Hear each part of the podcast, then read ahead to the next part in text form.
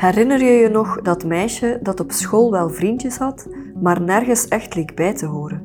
Dat meisje dat nooit een liefje had? Herinner je je nog dat meisje dat op kamp liever alleen liep tijdens een wandeltocht dan hand in hand met een vriendinnetje over het paadje te huppelen, luid zingend dat ze er bijna waren? Dat meisje dat wel mee ging feesten, maar liever in de muziek verdween dan aan de toog ging? Dat meisje was ik. Ik vond het niet fijn om zo te zijn. Niks zegt in alle stilte zoveel over jou als je boekenkast. Ik ben Tom en jij en ik gaan samen op bezoek bij nieuwe, beloftevolle schrijvers die je dringend moet leren kennen. Wie zijn ze? Wat schrijven ze? Maar vooral, wat lezen zij zelf? Een lijstje met alle titels die zo meteen passeren staat online. Zo kan jij rustig genieten van Groen Gebladerte. Zo, ik ben vandaag helemaal naar het Waasland gereden. En ik ben gestopt op de oprit van een nieuwbouwhuis. In mijn spiegel kan ik zien dat de overburen hun huis zelfs nog aan het bouwen zijn. Het zijn Vlaamse woningen met grote tuinen, maar vooral rust in deze straat. En dat klopt helemaal met wat ik gelezen heb in Zwijgen is goud, het debuut van de vrouw die hier woont. Ellen Janssegers. Ellen werkte tot een tijdje terug nog met veel collega's in een bedrijf, maar daar is ze mee gestopt. Dat heeft een reden, dat hoor je zo. En nu is dit dus haar hoofdkwartier als copywriter, journalist, moeder en schrijver. Hallo. Goedemorgen. Kom binnen. Ik ben er geraakt. Hallo. Waar in jouw huis staan de boeken? De meeste boeken staan gewoon in de living, in een hele prachtige uh, Billy boekenkast van de ik IKEA. Ik dacht al dat ik Zweeds design herkende. Ja. ja. Het is ook gewoon zo praktisch. Hè? Praktisch, maar ze begint een beetje te klein te worden. Uh, de meeste boeken zijn van mij, enkel het onderste uh, rek is van mijn vriend. Dat zijn de sci-fi boeken. Oh ja, Asimov. Ja. En oh, wat jammer, die zijn niet van jou. Nee, nee, nee, dat is eigenlijk absoluut mijn ding niet. Wij zouden goed overeenkomen, denk ik. denk het, jouw ja. vriend en ik. Maar we zijn hier om het over jouw boeken te hebben. Welk boek heb je al het langst? Oh, ik denk dat handboek over psychologie. Uit mijn studententijd. Ja, het ziet er nogal jaren uh, 90-ish uit. het is niet zo lang geleden dat ik uh, op de studentenbanken zat, Ja. maar uh, ja, de, een inleiding in psychologie. Ik heb communicatiewetenschappen gestudeerd, maar in mijn eerste jaar ehm, ja, hadden wij een aantal algemene vakken, waaronder psychologie, eh, filosofie hebben we ook gekregen. Je studeert aan communicatiewetenschappen, maar waar zijn de rest van je communicatieboeken? Je hebt alleen de psychologie overgehouden. Waarom die dan? Eh, ik denk dat ik die van, het, van de zolder van mijn ouders gehaald heb toen ik Zwijgen is Goud eh, aan het schrijven was. Ik dacht dat ik een aantal dingen aan het, ja, aan het uitzoeken was, denk ik. En ik wou kijken of er hier iets in stond over introvert zijn. Ja, er stond iets in, maar eigenlijk heel weinig. Laten we eens naar de romans kijken. Mijn oog viel meteen op een hele dikke Karen Slaughter. En daar heb je best veel van. Ja. Wat heb je met Karen Slaughter? Ik denk dat een vriendin van mij die ooit iets heeft aangeraden, zij was zo into thrillers. En ik had daarvoor heel veel ehm, meer psychologische romans en, en familiedrama's en zo gelezen. Dat is eigenlijk meer mijn stijl. Ehm, en toen ben ik daar een beetje verslingerd aan geraakt. En ik dacht, laat ik ze maar gewoon ineens allemaal lezen. Dat Ja. leest zo heel gemakkelijk en vlot. En het zijn ook altijd dezelfde personages die terugkeren. het is inderdaad zo ideaal voor op vakantie. Of meestal lees ik dat dan als ik, voor ik ga slapen. Het is echt ontspanning voor jou. Dit is een guilty pleasure eigenlijk. Dat is een guilty pleasure. Oké, Ja. ja. Eh, mijn vriend zegt altijd dat ik heel deprimerende boeken lees. er moet altijd iemand sterven of mishandeld worden of... Oké, hit me. Een lekker, een lekker diep dramatisch, psychologisch, deprimerend boek. Eh, ik ga dan... De overlevenden van Alex Shulman ehm, gaat eigenlijk over drie broers. ehm, en je wordt een beetje teruggeslingerd naar hoe zij opgroeiden en hoe zij een zomer in een, ehm, een zomerhuisje en een Zweeds meer hebben beleefd.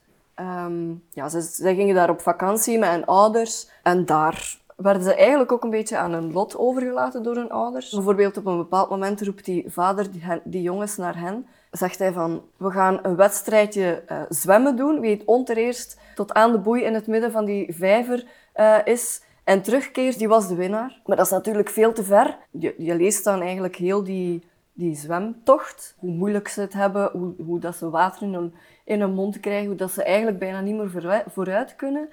En als ze terugkomen, dan denken ze, ja, de buit is binnen. En de ouders zijn gewoon naar bed gegaan.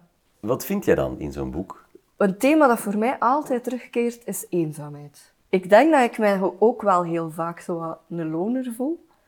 Het is niet altijd even fijn, maar aan de andere kant geeft je dat ook wel een manier om te kijken naar de wereld, dat je er van op een afstand van naar kunt kijken. Ja, op een of andere manier voel ik mij daar dan wel mee verbonden met die personages. De overlevenden, Alex Schulman. Het is Ja. ook een mega page-turner, deze. En op het einde gebeurt er, of, ja, gebeurt er iets. En dan ga je denken, oké, zo zat het eigenlijk in elkaar. Zeg, wat mij nu plots opvalt is, jij, er is een boek dat je twee keer hebt. Ja, ik heb dat- Bittersweet van Susan Kane. Ik heb dat per ongeluk twee keer gekocht. Dat zijn twee verschillende uitgaven. hoor. Wat, wat is Bittersweet van Susan Kane? Ehm, de opvolger van eh, Quiet van Susan Kane. Ehm, dat is ehm, het boek dat eigenlijk mijn leven veranderd heeft. Maar Bittersweet gaat over how sorrow and longing make us whole. Melancholie. Melancholie voilà. weemoed. Ja, en dat is ook... Zij legt, ze probeert eigenlijk uit te leggen waarom dat melancholische mensen zich zo aangetrokken voelen tot ehm, die droevigere muziek bijvoorbeeld, of droevige ehm, boeken, boeken over eenzaamheid. Eigenlijk alle boeken die op mijn kast staan. Ja, maar ze geeft er wel een positieve spin aan, want het is How Sorrow and Longing Ja. Make Us Whole. Ja. Wie is Susan Kane? Susan Kane is eigenlijk de eh, auteur van Quiet. Ehm, en Quiet, of Stil eh, in het Nederlands vertaald, ehm, is het boek dat mijn leven veranderd heeft. Ligt het hier ergens, het boek? Het ligt hier. Quiet. Ja, het ligt niet in de kast, Nee. maar het ligt wel hier op Ah, tafel. dat lag klaar op tafel. het al klaar? ja, Ja, tuurlijk. Ja, het is een- dat is zo'n belangrijk boek voor jou. Ja. Quiet. Ja. Ja. kijk. Ik kende het woord introvert zijn wel al, maar ik associeerde dat altijd met verlegen zijn, stil zijn. Maar de manier waarop dat zij beschrijft ehm, wat introversie precies is en ehm, hoe, hoe dat de maatschappij eigenlijk heel extravert gericht is, hoe dat luidruchtig zijn en praat graag en hoe dat eigenlijk altijd gezien wordt als positieve kwaliteiten, dat heeft mij op, op zo'n manier zo geraakt dat ik toen wel voelde van, ah, dat is hoe ik ben. Ik ben niet raar, ik ben gewoon introvert. Ja. En ik, ik, ik werkte toen ook ehm, nog als communicatiemedewerker bij een groot bedrijf ehm, op, een open, eh, op een open landschapsbureau. En toen wist ik van, ah, maar dat, daarom kom ik altijd zo leeg en op thuis. Gewoon omdat er zoveel indrukken op mij afkomen elke dag, dat er gewoon zoveel energie van mij vergde. Eh, en, en toen heb ik beseft van, oké, ik ben gewoon een persoon die ehm, oplaat door alleen te zijn.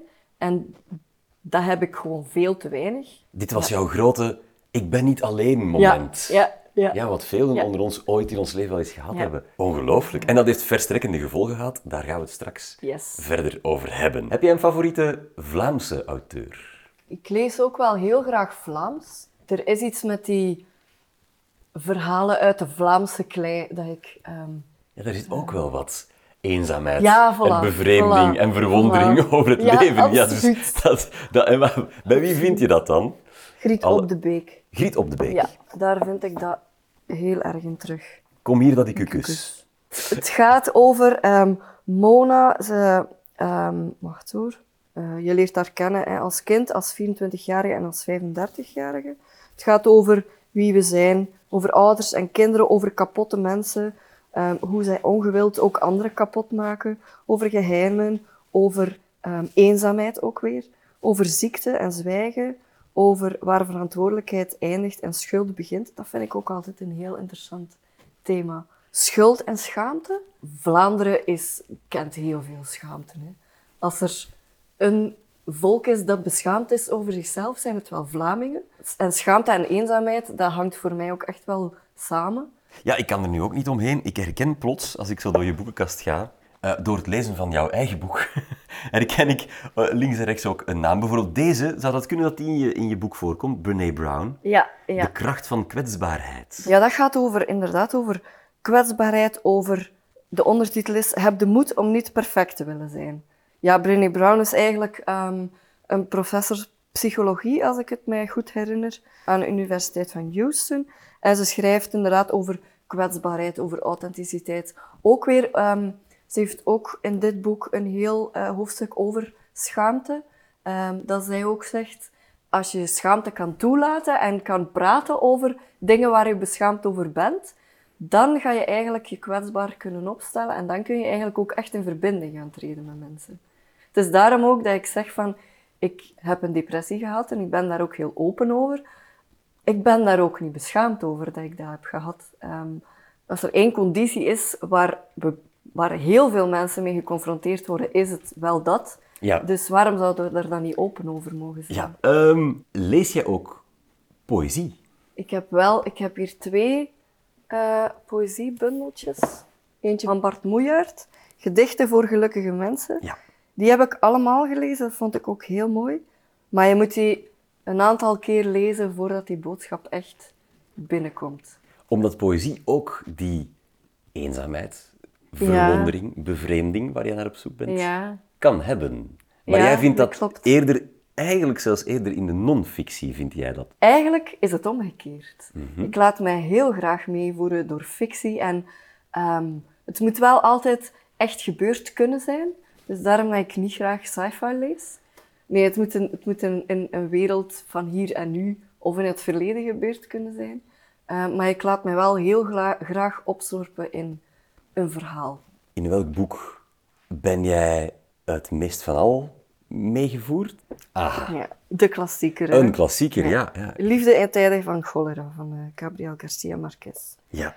Ik heb net gezegd, het moet altijd echt gebeurd kunnen zijn. Maar um, ja, dit gaat ook over geesten en over wat er tussen het leven en de dood daar gebeurt. Ja, als er een boek is dat mij enorm heeft meegesleurd in het verhaal, dan, dan zal het dit wel Over welk boek had ik al lang iets moeten vragen? Uh, deze, Het Achtste Leven. Het is ongeveer het dikste boek uit de kast. Het dikste boek dat erin zat van, um, ik ga proberen om haar naam goed uit te spreken, Nino Haratishvili. Uh, wacht hoor, het speelt zich af in Georgië. Het gaat over, ja, het is, het is echt een familiekroniek. Dus eigenlijk een beetje hetzelfde als Liefde in tijden van cholera, dat is ook een familiekroniek. Ik lees heel graag verhalen over familie en hoe dat familieleden elkaar het leven zuur kunnen maken. Um, voor geheimen dat er vaak in familie uh, omgaan.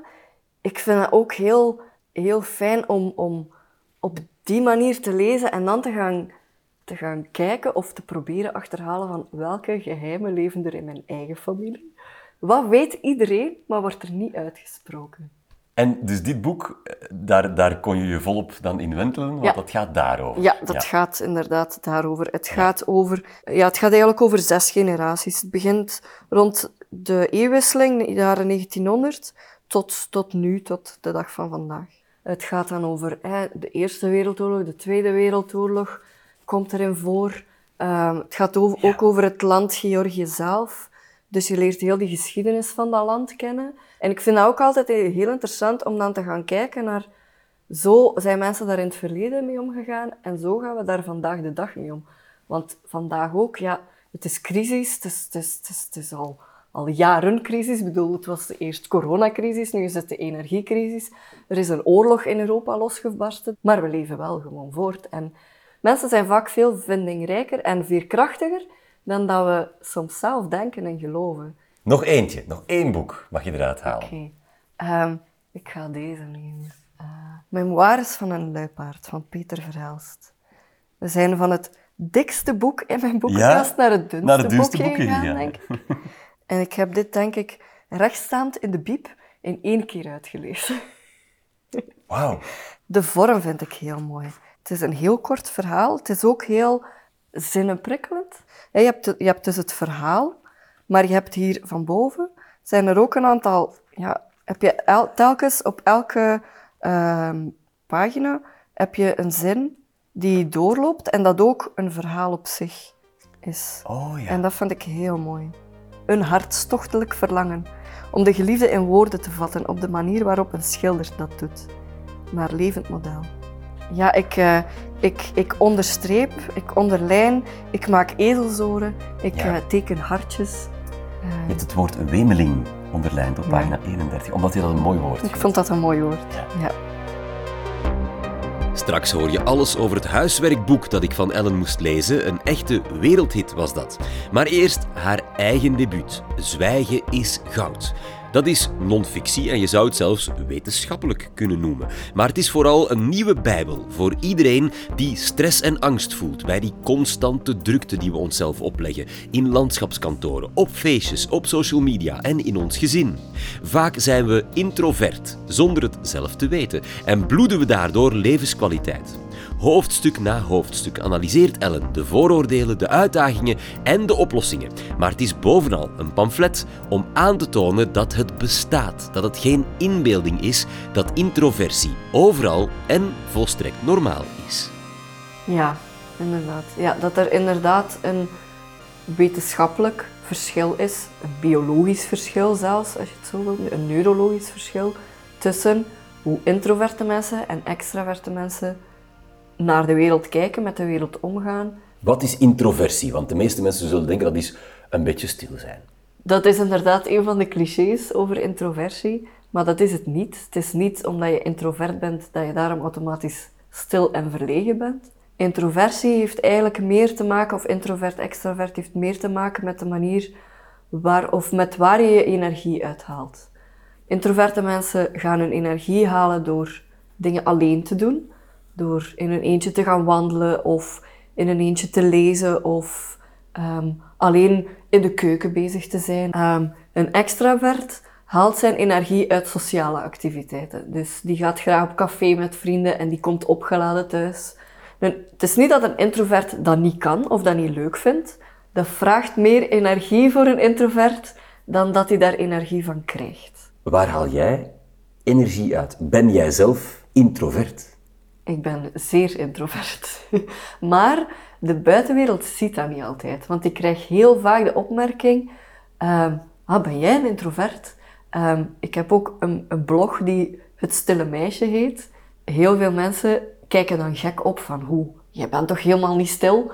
Nee, ik ben niet altijd stil, maar ik hou wel he- heel erg veel van stilte. En ik denk dat dat wel vaak het verschil aantoont. Ik ben nu sinds een jaar freelancer, dus ik werk niet meer op een landschapsbureau elke dag. Dus vroeger had ik die stilte echt nodig. Nu kan ik overdag in stilte werken. Ehm, dus ben ik eigenlijk tijdens mijn werk al opgeladen en heb ik die stilte achteraf in mijn vrije tijd niet meer zo nodig. Eh, dus ja, het is, het is echt een balans zoeken die voor jou als persoon past. Er bestaat ook zoiets als de ambivert, heb ik bijgeleerd. ja. Ehm, ja, dat is eigenlijk een mooi woord om te zeggen van het is een beetje van het en een beetje van het ander. Aan het ene uiteinde heb je de introverte mensen, aan het andere uiteinde heb je de uitgesproken extraverte mensen en in het midden heb je dan de, ja, de over, het overgrote deel. Dat zijn dan de ambiverten die zowel eigenschappen van het ene als van het andere hebben. Ik geloof daar zelf niet zozeer in, omdat ik Volgens mij heb je ofwel een voorkeur voor het ene ofwel een voorkeur voor het andere. Maar ik denk wel dat, dat je er wel in kan groeien. Dus ik denk dat het doorheen jouw leven en jouw levensfases ook wel verandert. Maar jouw persoonlijkheid, ja, die blijft natuurlijk altijd hetzelfde. Ik ga altijd veel tijd alleen nodig hebben. Wil je als mens, als je nu mag kiezen bij je geboorte, liever introvert of extravert zijn? Ik was liever extravert geweest. Ja, als je bijvoorbeeld alleen nog maar kijkt naar, naar scholen, hoe dat die georganiseerd zijn, ja, alles gebeurt daar, of heel veel gebeurt daar in groep. Je wordt daar ook echt op beoordeeld.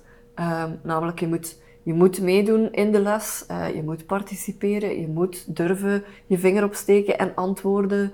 Introverte mensen of introverte kinderen, zij gaan eigenlijk liever opletten in de les en luisteren. Zij maken ook graag huiswerk alleen, zonder dat zij moeten samenwerken met anderen. Het is ook echt vele bladzijden lang een echte kruistocht tegen het landschapskantoor, de kantoortuin. Die moet niet weg van jou, die moet anders. Het is ook wel fijn om samen met andere collega's jouw werk te doen ehm, en in, hetzelfde, in dezelfde omgeving te zitten.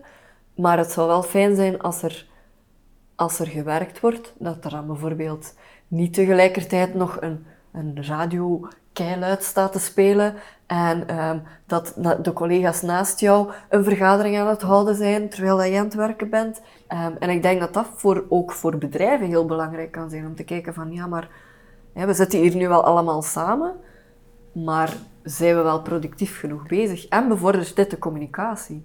Want dat is ook vaak een argument dat dan gegeven wordt pro-landschapsbureau, ja, dat bevordert de communicatie. Studies hebben aangetoond dat dat net niet het geval is. Want mensen gaan veel vaker mail sturen of uh, instant messages gaan sturen, terwijl dat ze wel naast elkaar of schuin over elkaar zitten. Je gebruikt Don Draper.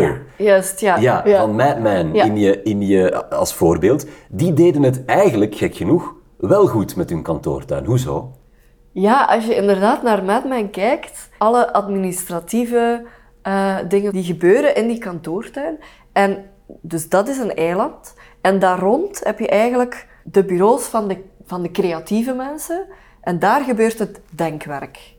Ze, halen daar dan dranken al bij, dat, dat hoeft misschien niet meer.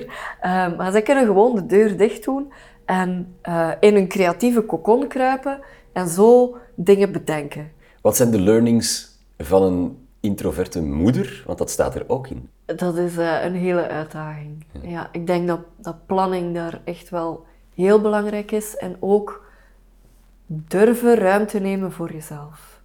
De bekende professor Stijn Baart, de zeer bekende radiopresentator, mijn collega Sam de Bruin, en onze premier Alexander de Croo, dat zijn drie introverten. En dat heb jij niet zelf gezegd, dat zeggen zij in dit boek. Je hebt hen geïnterviewd. Hoe ben je bij de premier terechtgekomen? Dat was ook een volle coronaperiode toen nog. Dat was eigenlijk heel bizar. Heel bizar.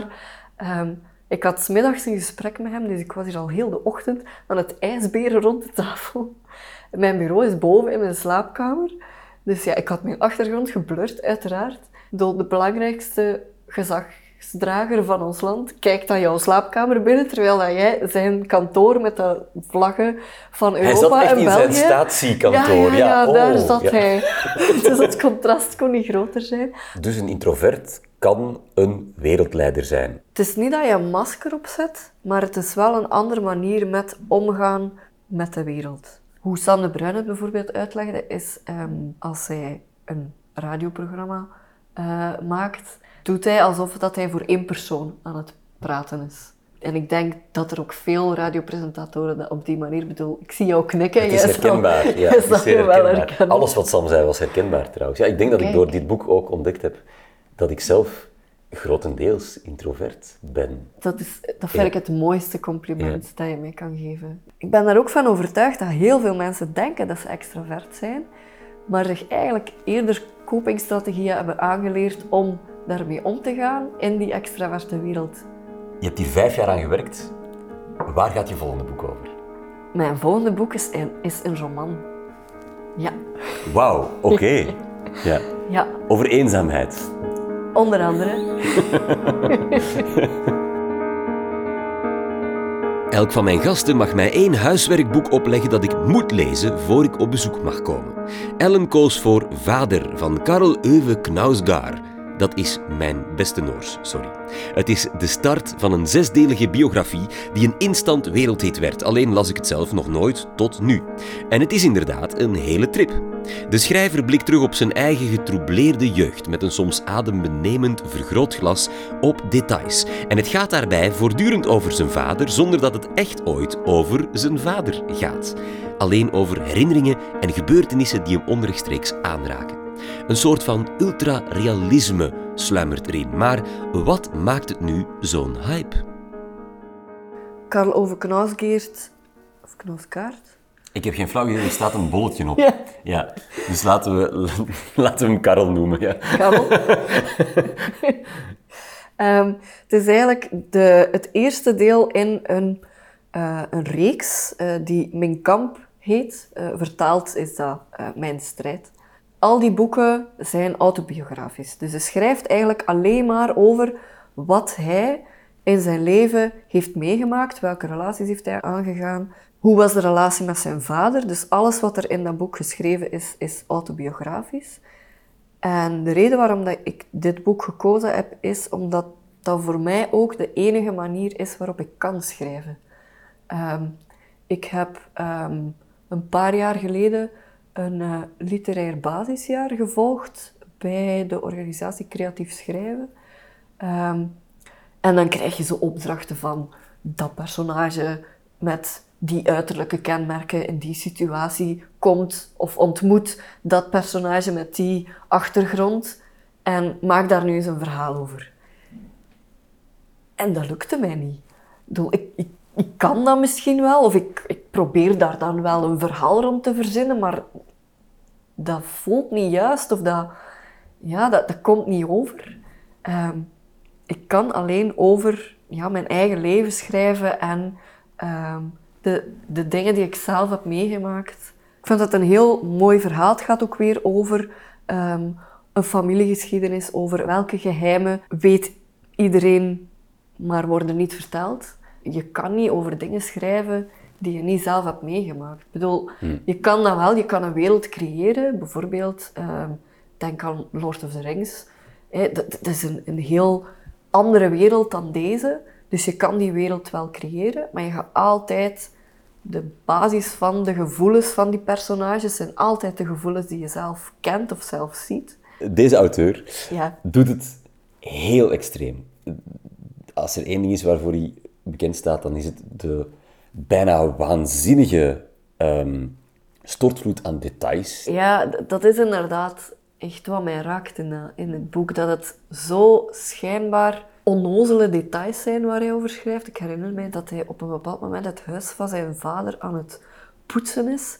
En hij zit daar al heel de, heel de tijd ehm, de vloer te schrobben. En dat gaat dan honderd pagina's lang ehm, over dat moment dat hij aan het poetsen is, maar tegelijk herinnert hij zich van alle, ja, alle herinneringen die in, zijn, in het verleden gebeurd zijn. En het is dat waar ik ook heel vaak toe mij toe aangetrokken voel, zijn zo ja, de, de schijnbaar de normale levens.